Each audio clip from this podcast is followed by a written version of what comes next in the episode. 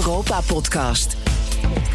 Gerrite, aflevering 4 van de Europa-podcast. Dat is waar je naar luistert. De Europa-podcast van Nederland die ons mooie continent streng, doch rechtvaardig in de gaten houdt. Avec notre propre commissaire européen, Stefan de Vries. Bonjour, Geert Jan Anne. Ja, nazivamsje Geert-Jan Haan, Gisha jest prima aprilis. Poisson d'avril.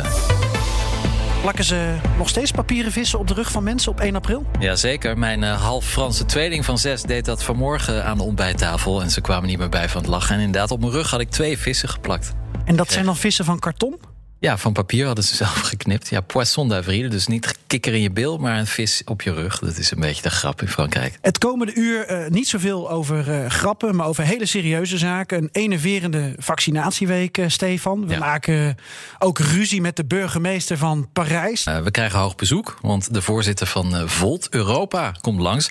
Nou, begin dit jaar had eigenlijk nog niemand van ze gehoord. En nu ineens zitten ze met drie uh, parlementariërs in het uh, Nederlandse parlement, in de Tweede Kamer. Het eerste nationale parlement waar deze Europese partij is vertegenwoordigd. En ja, het succes in Nederland is misschien een inspiratie voor uh, de andere Volt-afdelingen, Duitsland, Frankrijk en Bulgarije. Want daar doen ze ook mee. Daar zijn ook binnenkort parlementsverkiezingen. En Stefan, je bent ook weer in de Europese hitlijsten gedoken met heerlijke muziek voor bij de afwas. Tipje van de sluier. Is het een nummer 1 ten westen of ten oosten van de Elbe? Nou, eigenlijk kan niet beter in de Elbe. Maar het is ten oosten wat er deze week op één staat. Ten oosten van de Elbe. Dat straks. Maar nu eerst Ranking de Vaccins. In de Europa-podcast houden we bij hoe de EU ervoor staat... en vooral hoe Nederland het ten opzichte van andere lidstaten doet. En Stefan, wat mij opviel... Sinds wij deze Europa-podcast maken, gaat het alleen maar bergafwaarts met ons vaccinatiebeleid. En ik wou dat ik goed nieuws had, maar zoals ik het zie, jij hebt andere statistieken, staan we van de 27 EU-lidstaten volgens mij op plek 23. Ja, ik heb zelfs plek, uh, even kijken, 25. Dus we hoeven nog maar twee andere landen voor ons te dulden. Dat is deze week Letland en Bulgarije. Ja. Uh, dat is de ranglijst van uh, 1 april. Uh, Nederland is daar, ja, staat met 9,85% van de bevolking. Die op minimaal één dosis van het vaccin hebben ontvangen. En ja, dat is dus echt uh, gewoon bagger, kunnen we wel zeggen. Uh, alle landen doen het beter, behalve die twee die ik net noemde. Um, Luxemburg staat op 11 procent, België ook ongeveer, Frankrijk op 11,5 Hongarije op bijna 20 procent. Uh, en ja, Malta op 29 procent. Maar de winnaar deze week, ja, het ligt eigenlijk niet in de Europese Unie, maar toch ook wel een beetje. Uh, ze ontvingen deze week nog een, uh, ja, een belangrijk uh, groepje hoogwaardigheidsbekleders. Het Oranje Elftal was er. Gibraltar heeft 92% van de bevolking nu ingeënt met minstens één dosis. Dus ja, wij met 9%. het is gewoon echt om je rot te schamen. Nou, dat is interessant. Allereerst dacht ik dat we Slovenië en Kroatië nog achter ons lieten. Maar volgens jou, tussen statistieken. Ja, het, het wisselt, het, het is stuiveltje wisselen per dag een beetje. Dus, uh, ja. het, maar dit het geeft wel een trend aan. Nederland komt gewoon niet uit die allerachterste horde. Oké, okay, zouden wij niet eens moeten aankloppen bij andere landen? Zo van wij zijn heel zielig in Nederland. wij hebben een probleem. Uh, ik denk dat we daar, ons dosis. daar te arrogant voor zijn of te zelfverzekerd. Ja, ik denk zeker dat we even bij de buren in Israël moeten gaan kloppen. Want daar kunnen we toch echt wel wat van gaan leren. Dat hebben regeringsleiders gedaan. Hè? Van Denemarken, van Oostenrijk. Die zijn daar op bezoek geweest. Ja, nou, wat hebben ze eruit geleerd? Denemarken doet het wel beter. Twee keer zoveel. Nee, nee, niet twee keer zoveel. 20 procent meer dan in Nederland deze week. Um, ja, de Britten, Fransen. Ja, de Fransen deze week. Uh, nu kun je in iedere farmacie een prikje halen. Uh, veeartsen mogen nu prikken. Um, huisartsen natuurlijk al, um, noem maar op, uh, co-assistenten. Iedereen die een beetje kan prikken, mag dat uh, vanaf nu doen. Uh, en in Nederland ja, duikt, stuiten we nog steeds op allerlei regelgeving... waardoor we niet um, iedereen in kunnen zetten die kan prikken. En ik zag ook een plaatje deze week van een inentingshal in Alphen aan de Rijn. helemaal leeg, allemaal hokjes van de GGD waar niemand komt opdagen. Ja, dat is natuurlijk schandalig. Ik zou zeggen, gooi het gewoon open voor iedereen die een vaccin wil... en dan zie je wel hoe je dat ter plekke regelt. Maar iedereen moet gewoon zo snel mogelijk gevaccineerd worden. Kijk jij nog uh, Nederlandse tv? Uh, ik kijk het jeugdjournaal met mijn tweeling. En ben je bekend met het uh, programma Even tot hier? Nee. Dat is een zaterdagavondprogramma. Oh, verlicht mij eens. Dus daar zit uh, een satirische kijk op de actualiteit bij. En daar heb ik wat inspiratie uitgehaald voor onze Ranking the Vaccins uh, rubriek. Luister even mee. Wij zijn gewoon de vaccin-losers van de EU. Wij zijn het lulletje van Europa. In Nederland hebben volgens de laatste cijfers van elke 100 mensen er 12,8 een prik gehad. Als je dat vergelijkt met onze buurlanden, nou, dan zie je wel een verschil hoor. En hoe, hoe groot is dat verschil? Eh, Hoe groot is het verschil met bijvoorbeeld België of Duitsland of Frankrijk? Goeie vraag. Wij hebben dus 12,8 vaccins per 100 inwoners. 12,8 keer geprikt. Hoeveel hebben België, Duitsland en Frankrijk er gemiddeld? 13,3. 21,5 of zitten die inmiddels al gewoon op 38,6? Ja. Ja, Stefan, man van de statistiek. Zitten we nou zo mijlenver bij onze buren vandaan? Ja, nou, de directe buren niet zo, want België, eh, Duitsland en Frankrijk, we doen het eigenlijk allemaal even slecht. Dus de oprichters van de Europese Unie, die laten het afweten. Ehm, maar kijk, eh, als we kijken naar Hongarije, Oostenrijk, eh, Denemarken, Ierland, het, ja, we zijn gewoon losers. Oké, maar op basis van deze statistieken Ja. denk jij dus, want het was een qui- quizvraag die je net hoorde, dat het dus niet zo heel veel verschilt. En dus per 100 eh, vaccins, dat, dat, dat als de Duitsers op 13 zitten en wij op 12, dan is er niet zo'n groot verschil, denk ik. Nee, dat is, dat is een verwaarloosbaar verschil. Maar als je zit, zit op 30% zoals Malta, eh, of dus 60% of 45% in, in Engeland, ja, dan is er wel een heel groot verschil natuurlijk. Zeker als je daar ook nog de mensen bij optelt die al corona hebben gehad, die misschien immuun zijn. Ja, dan heb je al een hele grote groep waarmee het makkelijker wordt om maatregelen eh, ja, losser te maken. En dat is bij ons natuurlijk eh, helaas nog lang niet het geval. Nou, de antwoord op de quizvraag was inderdaad een, een half vaccinverschil per 100 inwoners. Als je kijkt naar België of eh, Duitsland of Frankrijk bijvoorbeeld. Maar het is zo dubbel, Stefan, want we staan laag, maar niet ver van onze eh, buurlanden vandaan. We zijn onder het EU-gemiddelde, maar dat wordt dan weer door landen als Malta en Hongarije wel weer fors omhoog getild natuurlijk. Ja. En dan heb je ook weer een WHO die Ja. zegt het gaat onacceptabel traag, Europa. Ja, absoluut. We doen het gewoon heel slecht. En, ehm, maar eh, het kanttekening daarbij, eh, we doen het heel goed als we het vergelijken met de derde wereldlanden of de ontwikkelingslanden. Want ehm, daar wordt nog nauwelijks gevaccineerd. En uiteindelijk hebben we daar ook geen baat bij. Want het helpt pas als iedereen ter wereld. Eh, gevaccineerd is. Want alleen dan kun je voorkomen dat eh, in ieder geval dit coronavirus eh, weer terugkomt. Dus we doen het inderdaad slecht vergeleken bij de ontwikkelde delen van de wereld. Maar ja, wat je vroeger de ontwikkelingslanden zou noemen, dus vooral ehm, Afrika, ook delen van Azië en Zuid-Amerika. En Zuid-Amerika met uitzondering van Chili, want dat doet, land doet het wel heel goed.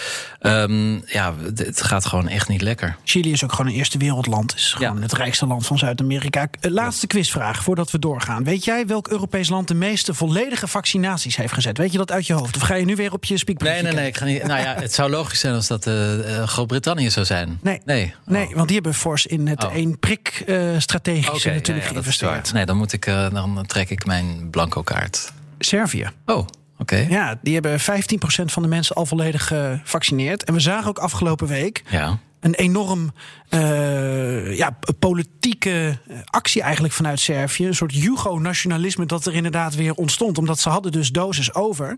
En toen hebben ze in Belgrado gezegd... beste oud-bewoners van Joegoslavië... kom maar weer naar het moederland Servië... en wij eh, laten, je, laten je prikken. Nou, ik denk dat uh, Maarschalk Tito uh, in zijn graf een beetje aan het juichen is, als hij dit zou horen. Nou, ik denk het wel. Maar goed, die hebben natuurlijk overal op ingezet nu. Hè? Dus ja. die hebben gewoon die andere vaccins die bij ons nog door de EMA goedgekeurd moeten worden, die zijn ze aan het inzetten. En dus dan kom je dus wel hierop uit. Ja. En, en de, en de Chinezen. Oké, okay, ja. goed, dat is het geheim. Ja, nou, dat moeten wij misschien ook snel gaan doen. Maar er ligt politiek nog, uh, nogal wat gevoelig. Eurocommissarissen Haan en de Vries houden de Brusselse zaken scherp in de gaten. Tijd voor de Europese Week, Stefan. Een week waarin de Europese Commissie Polen voor de rechter sleept... omdat de onafhankelijkheid van de rechtsstaat wordt ondermijnd. Waarin jonge klimaatactivisten zoals Greta Thunberg... teleurgesteld uit een overleg met Frans Timmermans kwamen. Een week waarin een minimumloon in alle Europese lidstaten een stap dichterbij kwam. En een week waarin de premier van Slowakije... na enige vertraging, maar toch zoals verwacht zijn ontslag indiende. En Hadden de we premier... daar niet een fles wijn op gezet? Jazeker. Ja. ja. Wie krijgt hij dan? Uh, dat, uh, we waren het met elkaar eens. Dus oh, dat blijft okay. hij denk ik in de Drinken kast. we hem samen ja. op, dat kan ook.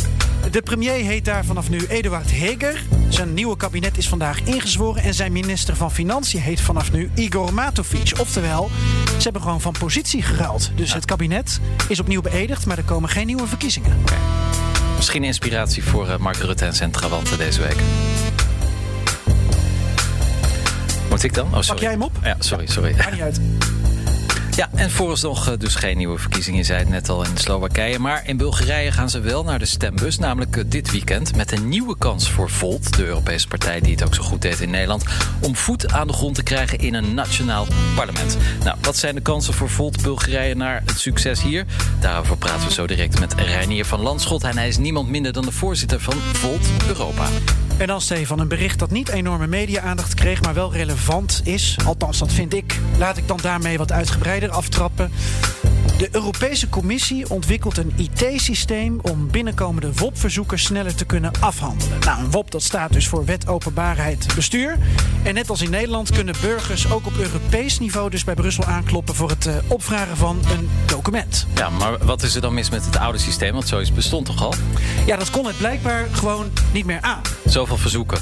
Zoveel verzoeken en zo ja. ouderwets ook was dat systeem. Ja. En um, interessant voor gemeenten en provincies is dat als het nieuwe systeem eenmaal af is, dat de commissie het toegankelijk maakt ook voor andere overheden. En daar is onderzoeksjournalist Peter Teffer achter gekomen, die uh, heel veel over Europese zaken schrijft en publiceert, net zoals wij. Ja, en om hoeveel WOP-verzoeken gaat het dan in, de, in Europa? Het ging in 2019 om bijna 7500 verzoeken. En dat was een recordaantal. En dan zit er ook nog een paar honderd verzoeken om een herziening uh, bij van de oorspronkelijke positie, zoals dat heet. Nou, en dat heeft dus de commissie uh, ja, ertoe gezet. En daar hebben ze over nagedacht: van goh, moeten we dan ons systeem niet moderniseren als we dit dus niet aankunnen? En als er dus eigenlijk jaar op jaar meer verzoeken bij komen. Ja, dat valt, valt eigenlijk nog wel mee. We, hebben, we zijn met 450 miljoen inwoners. Uh, maar ja. ik, ik vind het niet heel veel. Ik denk dat de burgers uh, in Europa nog wel wat uh, beter de, de macht kunnen controleren. Maar wat is, wat is er dankzij uh, die onderzoeksjournalist Peter Teffer nog meer aan het licht gekomen? Je kan het ook omdraaien. Hè? Hoe kan het systeem op zoveel miljoen inwoners dan niet 7500 verzoeken aan? Ja, inderdaad. Goeie vraag. Moeten we misschien een WOP-verzoek over doen? Waarom dat niet is? Nou, precies.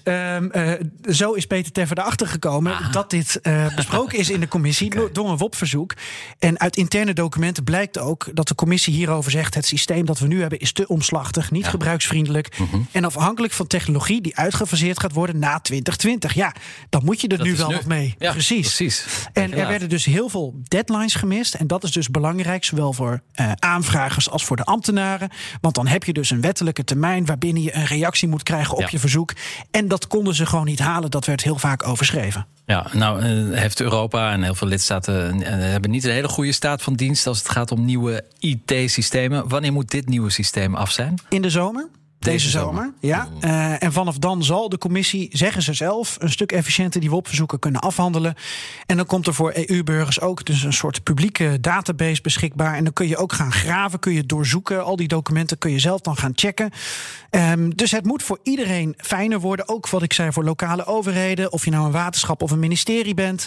En uh, ja, ze hebben er vertrouwen in dat het, uh, zo omschrijft een commissiewoordvoerder, het een generiek platform wordt dat naadloos kan worden gehost op verschillende IT-infrastructuren. Behoorlijk uh, ambtelijke taal, maar ja, als het leidt tot meer transparantie, juich ik alleen maar toe. Want ik ben een grote er, liefhebber van Wobben. Oh ja. ja, sommigen verzamelen postzegels, ik verzamel WOP-verzoeken. Um, en ja, deze week was voor mij wel een goede, goede week wat dat betreft. Had jij een WOP-week? Ik had een WOP-week. Nou ja, eigenlijk een, een lang verhaal. Ik heb een rechtszaak gewonnen uh, tegen niemand minder dan de burgemeester van Parijs. Allons enfants de la patrie, le jour de gloire est arrivé. Contre en, Oké, okay, waarom sta jij tegenover mevrouw de burgemeester van Parijs? Nou ja, kijk, tot uh, voor kort woonde ik natuurlijk in Parijs. En ik uh, maakte graag gebruik van de WOP-mogelijkheden daar in Frankrijk. Uh, het is niet zo makkelijk als in Nederland, maar het bestaat wel. ik had in 2018 alle restaurantbonnetjes opgevraagd van de burgemeester en haar kabinet. Um, en ook haar reisjes, dus treintickets, vliegtickets, et cetera.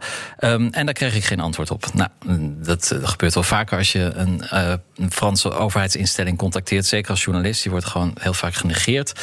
Maar toen ben ik naar de uh, commissie gestapt die dat soort verzoeken behandelt. En dat heet uh, de CADA, de Commission uh, Accès Document Administratief. Dus de commissie die gaat over de toegankelijkheid van administratieve documenten. Dus dat is het, het Franse ja, departement? Ja, een soort, soort raad voor de journalistiek. Ik weet niet waar je het precies mee kan vergelijken. Okay. Maar in ieder geval kan je dus daar zeggen: ik heb dit verzoek gedaan en ze hebben nee gezegd. En ik wil graag dit aanvechten. Nou, dat duurt ook weer een tijd, want het is zwaar onder, onderbedeeld met middelen. Dus uh, expres natuurlijk, want uh, dan duurt het allemaal langer voordat ambtenaren uh, verantwoording moeten afleggen. Maar goed, na maanden gaf de KDA mij gelijk. En meestal is het zo, want ik doe dit heel vaak.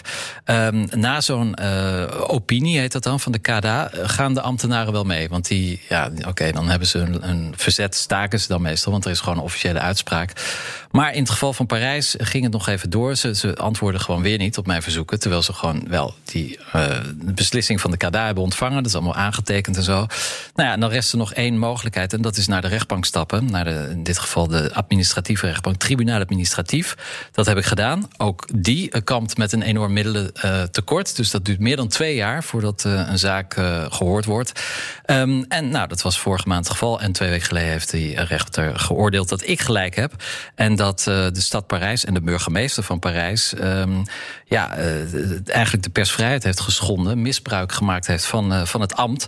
En mij dus alsnog al die documenten moet geven. En een schadevergoeding moet betalen. En mijn, mijn advocaat moet betalen. Dus ik heb op alle punten gewonnen. Um, maar goed, ja, dat is mooi voor mij. Maar daar, daar deed ik het niet voor. Het is natuurlijk een treurig dat je belastinggeld moet verkwisten. Want nou, een rechtsgang kost natuurlijk geld voor de belastingbetaler. Uiteindelijk betaalt de stad Parijs mij een schadevergoeding. Ook betaald door mij, de belastingbetaler in Parijs. um, om, om dus aan te tonen dat de ambtenaren zich niet aan de wet houden. Dus uiteindelijk heb ik nu gelijk. En ik vermoed dat ik, uh, ja, ze hebben twee maanden om in beroep te gaan. of al de documenten te geven. Dat er toch wel wat tussen zit. Um, dat misschien Anne Hidalgo, want dat is de burgemeester van Parijs, over haar hebben we het in een ja, kwaad daglicht kan staan. En uh, dat komt haar slecht uit, want volgend jaar, 2022, wil ze heel graag meedoen met de presidentsverkiezingen um, in Frankrijk. Dus als ik dan ontdek dat ze een of andere Château d'Yquem uit 1973 van uh, 5000 euro per fles heeft stuk geslagen, ja, ja dan. Uh, dan dan ja, is het functie elders. Dan is het functie elders. Hoewel in Frankrijk ja, is er toch heel veel begrip altijd voor politici die hun boekje te buiten gaan. Alleen de stad Parijs, de, het stadhuis van Parijs heeft al 90 dienstauto's. Nou, volgens mij heeft de hele uh, wow. Nederlandse regering dat niet eens met chauffeurs. Dus die, uh, ja, die, die extreme uitgaven, dat, dat vinden ze redelijk normaal. Maar ik hoop dus dat ik dingen ontdek. Uh, als ik wat ontdek, is het dus dankzij dit WOP-verzoek uit, uit 2018. Maar je moet wel een hele lange adem hebben. Ja, maar het geeft wel aan waarom het zo belangrijk is dat het mogelijk is om interne documenten op te kunnen vragen. Absoluut. Uh, je moet gewoon inzicht krijgen in hoe het openbare geld besteed wordt. Jouw eigen geld. En kijk, dat is één ding. Maar dat je nu, dat in, in mijn geval, dus de stad Parijs mij traineert. Dus alles in, in de, uit de kast haalt om ervoor te zorgen dat ik mijn mond hou. Ja, dat is natuurlijk uh, dat is eigenlijk het grote verhaal daarachter. Dat ik gelijk heb, nou ja, dat is mooi meegenomen. Maar dat het zo moeilijk is om gelijk te krijgen, terwijl het gewoon een recht is, ja, dat, dat toont toch echt aan dat er echt iets heel erg mis is met, uh, met, de, met de overheid. En niet alleen in Frankrijk natuurlijk. We hebben het ook gezien met de toeslagenaffaire. Ook via WOP uh, op tafel gekomen. En alles is zwart gelakt. Dus ja. ja. En, en er zijn zelfs trainingen, geloof ik, voor Nederlandse gemeenteambtenaren. Uh, om het zo moeilijk mogelijk te maken dat WOP-verzoeken uiteindelijk ook uh, informatie prijsgeven. Dus dat is een hele kwalijke zaak. Um, dus ja, ik zou alle burgers, waar dan ook in Europa, willen oproepen: gebruik je WOP-recht. Um, want ja, het is er niet voor niets. Lekker gewerkt afgelopen week. Best een druk weekje, ja. Ja, nog meer dat je wil uitdiepen? Um, nou, uh, ja, we blijven bij de rechtbank. Wat ik wel opmerkelijk vond, is uh, dat in Karlsruhe, een, een fijne stad, um, daar zetelt het Duitse constitutionele, constitutionele Hof. Mm -hmm. dat is misschien wel de machtigste instelling in Europa. Um, dat heeft zich uitgesproken over de ratificatie van het EU-herstelfonds, waar 750 miljard euro in moet komen. Er wordt eind april toch een klap opgegeven? Ja, ja, nou, ze hebben nu al gezegd dat het niet eigenlijk uh, in overeenstemming is met. Uh, ja, dat klopt iets niet. Okay. Uh, dus eigenlijk kan het niet doorgaan. Maar het heeft dan weer een opschortende werking. Ik weet niet precies hoe het juridisch in elkaar steekt. In ieder geval Het is natuurlijk, uh, ja, Duitsland is de grootste aandeelhouder van dat fonds, als je het zo wil zeggen. Maar von der Leyen, uh, ja, die leek niet echt ongerust over het besluit. Volgens een woordvoerder van de Europese Commissie um, ja, komt er toch een snelle beslissing, definitieve beslissing van de Duitse rechter. The Commission is convinced that the legality of the own resources decision is in order. It is crucial that the own resources decision is rapidly approved by all member states, in particular in light of the challenges due to the COVID-19 um, En uh, ja, dat betekent dat het ratificatieproces gewoon door kan gaan. Um, in alle 27 landen natuurlijk. En uh, ja, dat betekent dat eind juni, als alles mee zit, um, we dat herstelfonds ook echt hebben. Nou, we zullen hier de komende maanden natuurlijk nog uh, zeker op terugkomen. Oké, okay, ik dacht namelijk dus dat eind april al de, de afspraken dat alle nationale parlementen, geloof ik, een goedkeuring moesten geven. Ja, dat moet sowieso. Maar kijk, dan als in Duitsland is het zo, als het parlement zich ergens over heeft uitgesproken, dan kan het Duitse constitutionele hof daar ook nog een keer overheen gaan. Als er mensen zijn die die zaak hangig maken. Dus ja. daarom heeft het zoveel macht, omdat het uiteindelijk een democratische beslissing omver kan werpen. Um, een, een beslissing waarbij, je, ja, waarbij alles afhangt van, van die 27 landen. En dus ja, vaak stokt het dan in Karlsruhe.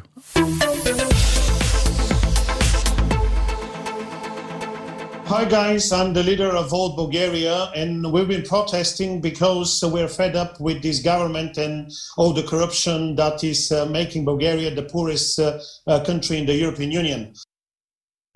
Dag, Renier van Landschot. Voorzitter van Volt Europa. Klopt, co-voorzitter. Jullie zelfs. delen alles, hè? Ja, alle leidinggevende posities bij ons worden vervuld door een man en een vrouw. Dus uh, de andere co-voorzitter is de Duitse Valerie Sternberg. Ja, okay. jij spreekt Nederlands, dus jij bent bij ons de gast. Precies. ja. Fijn dat je er bent. En gefeliciteerd nog. Ben je al bekomen van het uh, succes in Nederland? Dankjewel. Ja, uh, we zijn nog steeds uh, waanzinnig blij. En het, de, de, positieve neveneffecten van deze drie zetels zijn nog veel groter dan ik had voor kunnen voorzien. Dus dat is, dat is echt top. Het gaat wel gepaard met weer keihard doorwerken. Dus ik had eigenlijk een week vakantie gepland na deze uh, verkiezingen. Maar die heb ik gecanceld en, uh, en nu zijn we door aan het knallen. Je hebt toch wel een bruine kop, als ik dat, maar hij heeft wel een bruin hoofd. Ja, hij ziet er gezond uit. Heb je in de zon gezeten? Ik heb gisteren in de zon ja. gezeten, ja. Ik heb een paar van mijn uh, vergaderingen wandelend buiten gedaan. En, is, is het eigenlijk een bezoldigde functie? Ja. Ja? ja. Oké, okay, dus dit is gewoon die baan, je fulltime baan. Ja, okay. zeker. De eerste uh, anderhalf jaar um, dat ik het fulltime deed, heb ik het vrijwillig gedaan. Ja. Um, toen het spaargeld uh, echt op was, toen uh, hebben we uiteindelijk, viel dat precies samen met een moment waarop er wel genoeg mensen ons wilden ondersteunen, waardoor ik ook van kan leven. Oké, okay, dus donateurs die financieren Volt Europa? Ja, ja dus vooral eigenlijk contributies van leden. Ja. En op het moment dat je in een uh, land verkozen bent, krijg je vaak ook subsidies. Ja. Dus vanaf Ja. nu is eigenlijk de financiering voor bijvoorbeeld in Nederland een stuk makkelijker geworden. Ja. En ieder land waar contributie wordt gegeven, die uh, betalen een deel van die contributie aan het Europese niveau van Volt. En daarvan uh, krijg ik een vergoeding. En Ja. jij bent ook een van de initiatiefnemers van Volt Nederland geweest. Klopt. Ja. Dus dan voelt dit nu extra lekker, hè? Dat, Ja, dat, zeker. Nou ja, niet alleen het geld, maar ook de zetels natuurlijk. Precies, ja, de zetels het meeste. Dat we daar, daar zijn we, uh, voor mij december 2017 begon dat avontuur. En um, uh, ja, voor mij ontslag nemen bij mijn uh, toch leuke baan die ik had bij Ahold samen met Laurens. Die, uh, dat, dat besloten wij toen samen om te doen. Dat was toch voor mij ook een grote gok. En dan zie je dat uh, na drie jaar nu dit succes er is. En hopelijk gaat dat zich ook echt vertalen naar een verandering in de maatschappij. Want daar doen we het voor. En dus nu is het echte werk begonnen. En is het tijd om resultaten te gaan boeken. Ja, je hebt nu één zetel in het Europees parlement en drie in het Nederlands parlement. Uh, dat is nu wel een heel meetbaar succes, toch? Dat Ja, is, dit zeker. Is echt, uh, ja. En 50 gemeenteraadsleden verspreid over Bulgarije, Italië en Duitsland. Um, en uh, um, eigenlijk met uh, de drie Nederlandse parlementariërs hebben we voor het eerst dat we dus op alle niveaus van de overheid vertegenwoordigd zijn. Dus zelfs zo lokaal, regionaal, nationaal en Europees. En dat is voor eigenlijk iedereen binnen Volt wel een bevestiging van... oké, onze gedachte van één Europese partij die op alle niveaus actief is... Um, die, uh, die is nu bewezen dat het kan. Dus uh, op naar meer. En hoe hoe, hoe, doe je aan Europese politiek dan op gemeenteraadsniveau? Nou, je, je ziet dat uh, veel van de, de waarden waar Volt voor staat en uh, ons beleid uh, ook op die waarden kun je ook doorvertalen naar beleid op lokaal niveau. Dus we, we hebben gewoon lokale partijprogramma's. En je zag bijvoorbeeld bij de lokale verkiezingen in Hamburg dat alle um, beleidsvoorstellen tot stand waren gekomen op basis van wat goed werkte in andere havensteden in Europa. Daarnaast heb je dat bepaalde eh, grote mondiale of Europese problemen ook hun weerslag hebben op landelijk en op lokaal niveau zelfs. Dus je ziet dat eh, bijvoorbeeld, eh, even kijken, kan ik het tastbaar maken? In, eh, in het centrum van Utrecht mag je met bepaalde oudere auto's niet meer komen omdat het te vervuilend is. Nou, dat is uiteindelijk een soort van heel microgevolg van klimaatverandering. En, en zo zijn er nog meer voorbeelden te bedenken. Je bent hier, eh Renier, op onze uitnodiging. eh, niet om je te laten vegeteren met het eh, succes hè, dat wij natuurlijk Mag met jou, wel. met jou voelen. En, nou, die EU-olifant is flink door de porseleinkast gegaan. Dat is wel duidelijk. Zeker. Eh, maar er zijn meer verkiezingen dit jaar waar Volt aan meedoet. En dat is interessant. Eh, je bent immers een pan-Europese beweging. In september Duitsland. Komen Ja. we misschien ook nog wel even over te spreken zo. Maar komende zondag, mochten mensen dit luisteren voor 4 april... komende zondag, dan zijn er dus verkiezingen in Bulgarije. Ja, inderdaad. De Bulgaren die gaan op eerste paasdag dus naar de stembus. eh, Nou, het is orthodox. Orthodox. Dus die vieren Pasen begint mei, dus dat scheelt. Oh, oké. nou, dan leer ik nog wat over eh, de religies in Europa. Eh, hoe, hoe ziet het er daar eh, uit in Bulgarije? Ja, we hebben een eh, actief team in Bulgarije. En ehm, ja, misschien even wat, wat context voor de luisteraars. Dat Bulgarije, een land met 7 miljoen eh, inwoners. eh we zitten sinds 2007 in de EU. Ehm, meest oostelijke, dus eigenlijk wel leuk dat we nu net in Nederland het hier als een van de meest westelijke landen het hebben eh, eh, gelukt. En dat het misschien ook in, eh, in Bulgarije gaat lukken. En eigenlijk is de overheid in Bulgarije momenteel corrupt en ondermijnt de, de rechtsstaat en de democratie daar.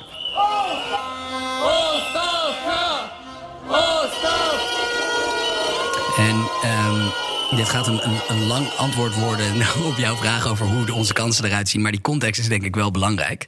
Want ongeveer ehm, in juli ontstonden er grootschalige protesten tegen die corrupte overheid. Met name tegen Boyko Borisov, dat is eigenlijk de, de Bulgaarse Orbán. En zijn partij, de GERB. En ehm, toen is, is er honderd dagen achtereen op straat in Sofia geprotesteerd tegen deze overheid. En daar deden alle volters ook aan mee. Uit die protesten is eigenlijk een coalitie ontstaan van alle partijen die zich willen verzetten tegen deze corrupte overheid. En die coalitie heet in het, in het Nederlands zou de vertaling zijn: Sta op Bulgarije, de boeven moeten eruit. En ehm, die coalitie die polt in de ene peiling op ongeveer 4% en op een andere zelfs op 6,7%. Nou, 4% is een belangrijke grens, want je hebt daar een kiesdrempel van 4%. Ehm, en het is een districtenstelsel met 30 districten. In 12 daarvan staan volters voor deze coalitie op de lijst.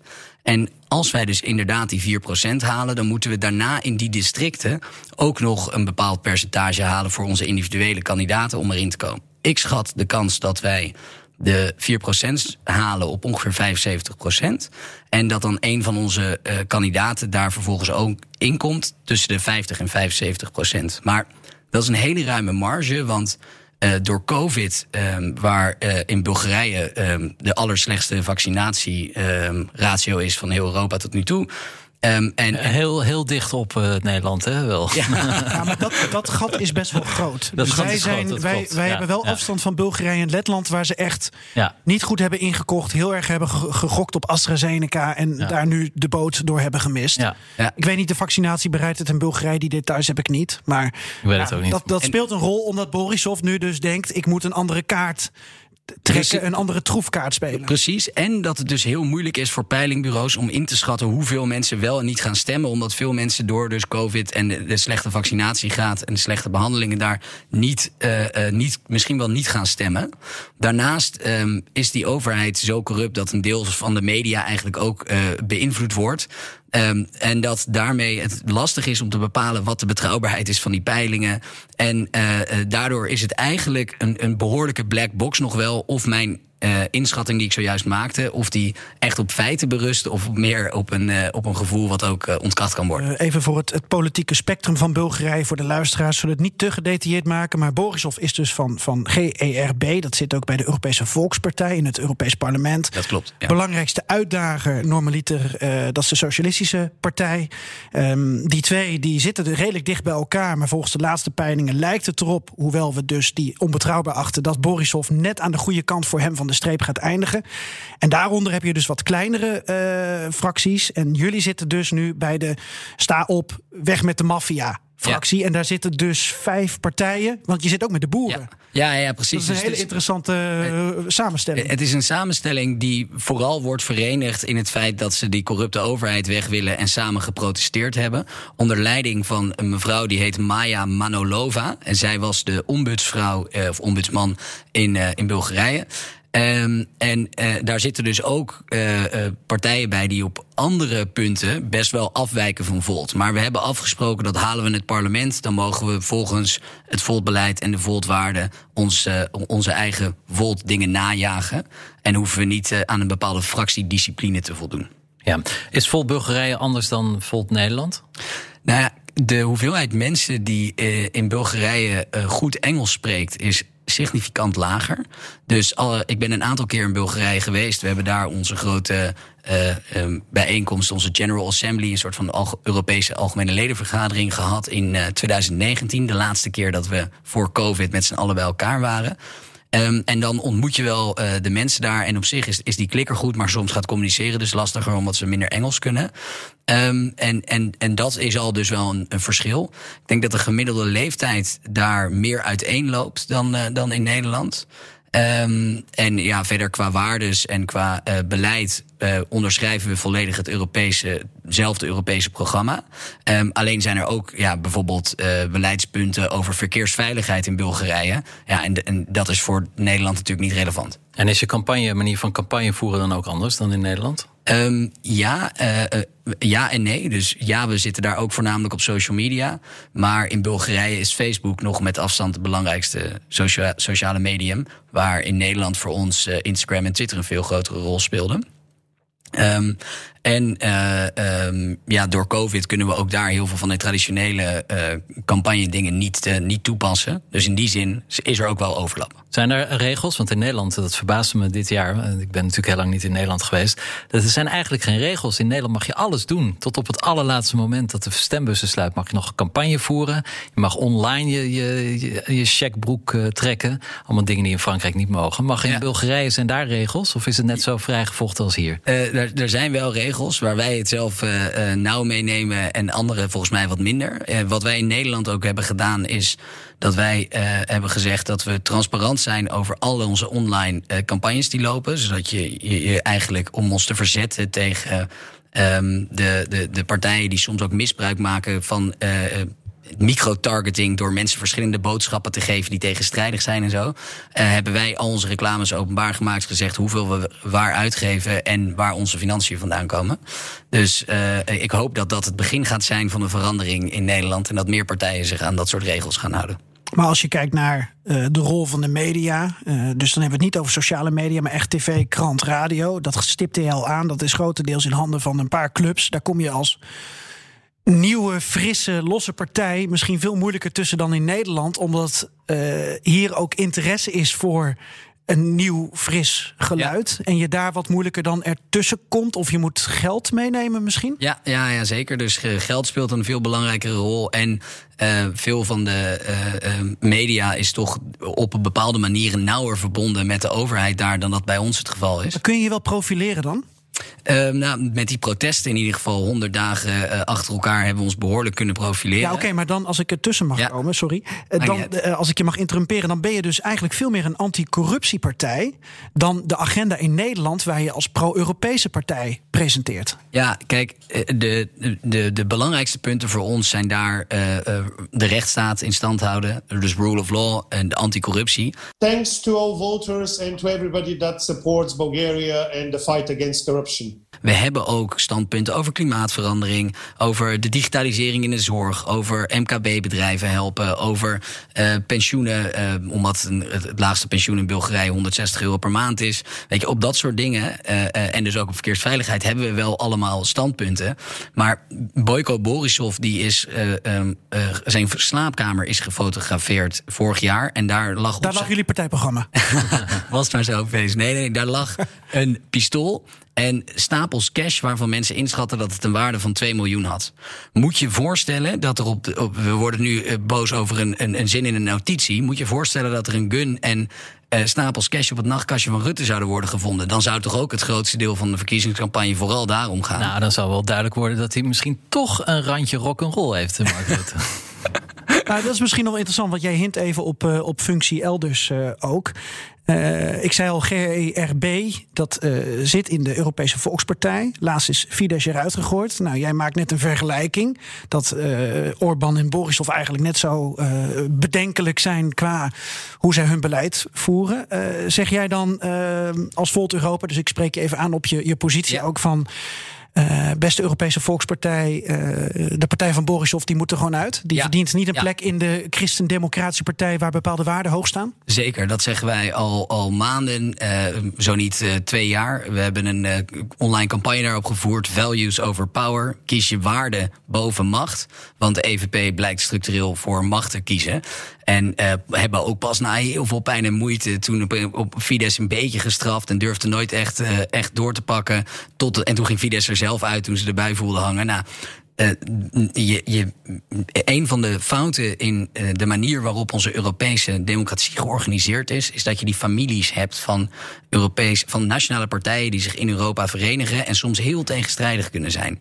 En zo ook Boyko Borisov, die dus het hand boven het hoofd wordt gehouden door de Europese Volkspartij.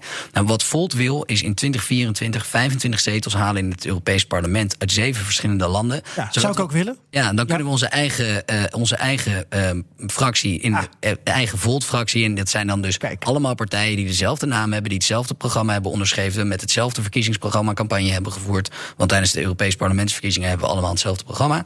Ehm, en daarmee zeggen wij, kunnen wij eh, eh, een stap zetten in de richting van een Europese democratie.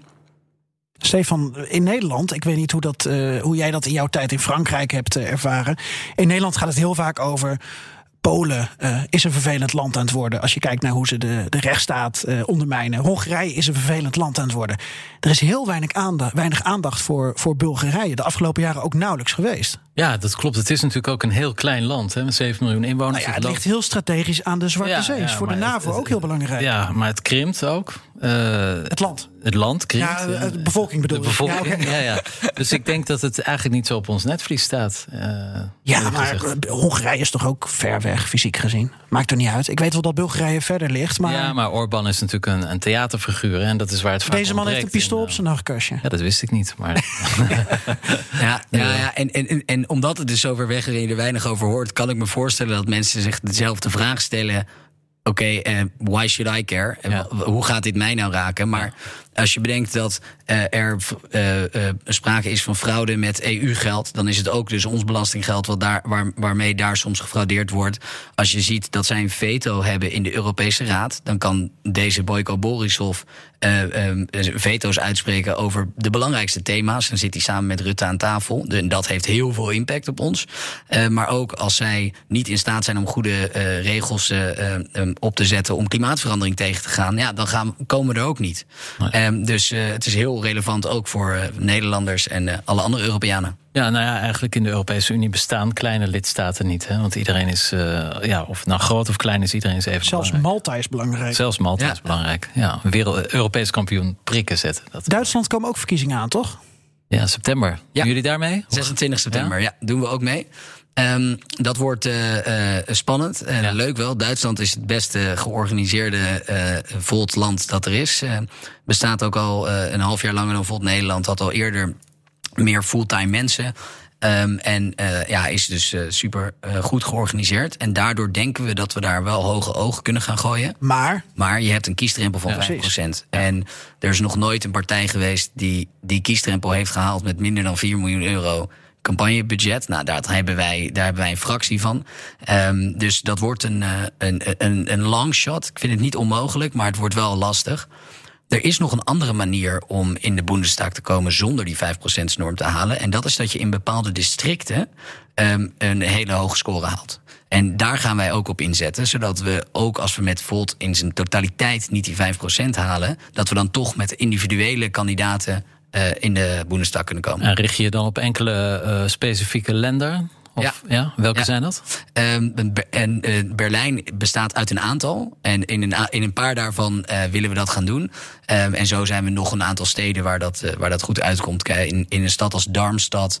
ehm, waar 130.000 mensen wonen, haalden we 6% van de stemmen. Bij de lokale verkiezingen, de zondag voor de Nederlandse verkiezingen, dus twee weken geleden, drie weken geleden. Ja. Ehm, in Frankfurt haalden we eh, ook een vergelijkbaar percentage. In Keulen en Aken en Düsseldorf en Bonn is dat ook al een keer eerder gelukt.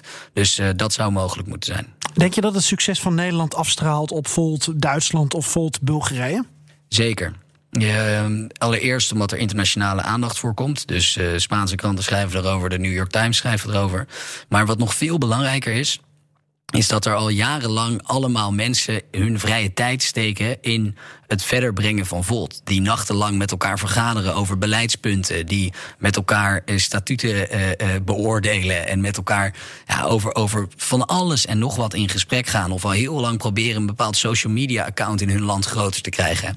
En voor al die mensen die dus al ja, jarenlang bezig zijn met Volt verder helpen, is er nu de bevestiging oké, het, het kan gewoon, het werkt en het heeft zin wat we doen. Dus eh, dat positieve neveneffect, dat is denk ik het grootste, grootste effect. Ja. Tot slot, eh, of ja, je mag, eh, wil je nog een vraag stellen, Nou, volgend volgend jaar Franse verkiezingen. Presidentsverkiezingen zie ik je nog niet zo snel doen misschien. Maar Nee, daarna nee. parlementsverkiezingen.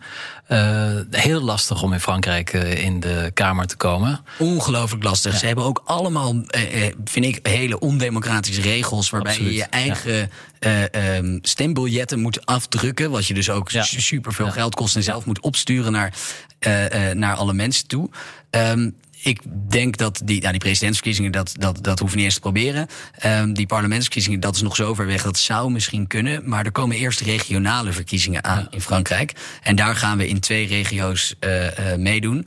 Eh, maar ik denk dat als ik bijvoorbeeld het vergelijk met hoe goed bijvoorbeeld in Duitsland georganiseerd is, dan zijn we op Frankrijk nog niet op een niveau dat we daar echt eh, groot, hoge ogen kunnen gooien. Dat zou in de komende twee jaar wel nog kunnen. Ik vind het ongelooflijk knap hoe jij in ons gesprek van het ene kiesstelsel naar het andere switcht in je hoofd. Want nooit bij stilgestaan, maar als je Volt Europa hebt, Ja, dan moet je met- verstand hebben van al die verschillende landen. En, en, en eigenlijk is het nergens zo makkelijk als in Nederland, bijna. Ja, ja eigenlijk Ja. wel. Want bij ons ja, geen kiesdrempel. Het Nee. is relatief, eh, relatief makkelijk. Weinig eh, democratische hordes die je in veel andere landen, in veel andere landen wel hebt. Ja, ja. en da daardoor misschien ook democratischer. In ieder geval heb je nu wel gebruik gemaakt, goed gebruik gemaakt van het Nederlands systeem. Ja. Ehm, misschien een opstapje naar de rest eh, van Europa. Natuurlijk ook kijken jullie al uit naar de Europese verkiezingen. Dat is in 2024, geloof ik. als ik Klopt, het goed klopt. heb. Ja. Ja, en daar is het doel dus om die 25 zetels te halen uit zeven verschillende landen. Ja. Ehm, Ga je dan ook eh, Europeanen in andere kiesstelsels op de lijst zetten? Iets wat al, al jarenlang mag, maar wat niemand doet? Ja, volgens mij is dit de vorige, eh, vorige Europese parlementsverkiezingen door ons bij een paar mensen gebeurd. Maar die- dat was. eh, we hebben verder niet heel veel aandacht aan gegeven. Ehm, we zijn eigenlijk eerst nog aan het proberen om vanuit het Europees Parlement de wetgeving rondom Europese verkiezingen te veranderen. Ehm, die eh, eh, wetgeving die is volgens mij eind dit jaar gaat, gaat daarover gesproken worden. En dat willen wij eigenlijk beïnvloeden om ervoor te zorgen dat die regels meer geharmoniseerd worden. En dat er veel meer ruimte komt voor dit soort initiatieven en voor Europese partijen. Dus dat is het eerste doel. En daarna gaan we nog zien of we eh, mensen uit verschillende landen op verschillende lijsten gaan zetten. Oké, stonden deze verkiezingen Europeanen op jullie lijst?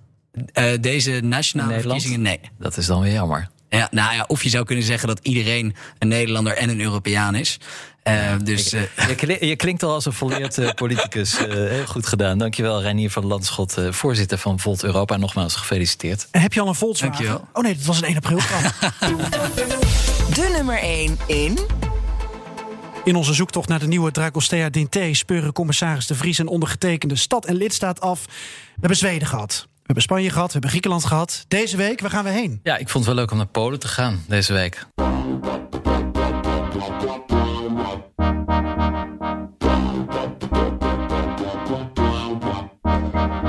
Ik had opgeschreven hoe het heette, Alias, maar eh, hoe de uitvoerders heten. ehm, het, staat in ieder geval nummer 1 in Polen deze week. Maar volgens mij weet jij iets meer over dit nummer. Ja, allereerst dat je het totaal verkeerd uitspreekt. Oh, neem me niet kwalijk. Hoe, hoe spreek ik het uit? Ale jazz. Ale jazz. Het is gewoon Ale jazz. Ja. En ale betekent maar. Dit komt uit een eh, film Ja. in Polen. En eh, dat is wel vrij catchy hoe ze dat dan ook dan eh, gebruiken. Dit is dus een meisje dat vertelt over dat ze haar cappuccino heeft gehaald. Suikervrij, net, als in, net zo zoet als Shakespeare. En over waar is Romeo? Oh, hier komt het refrein.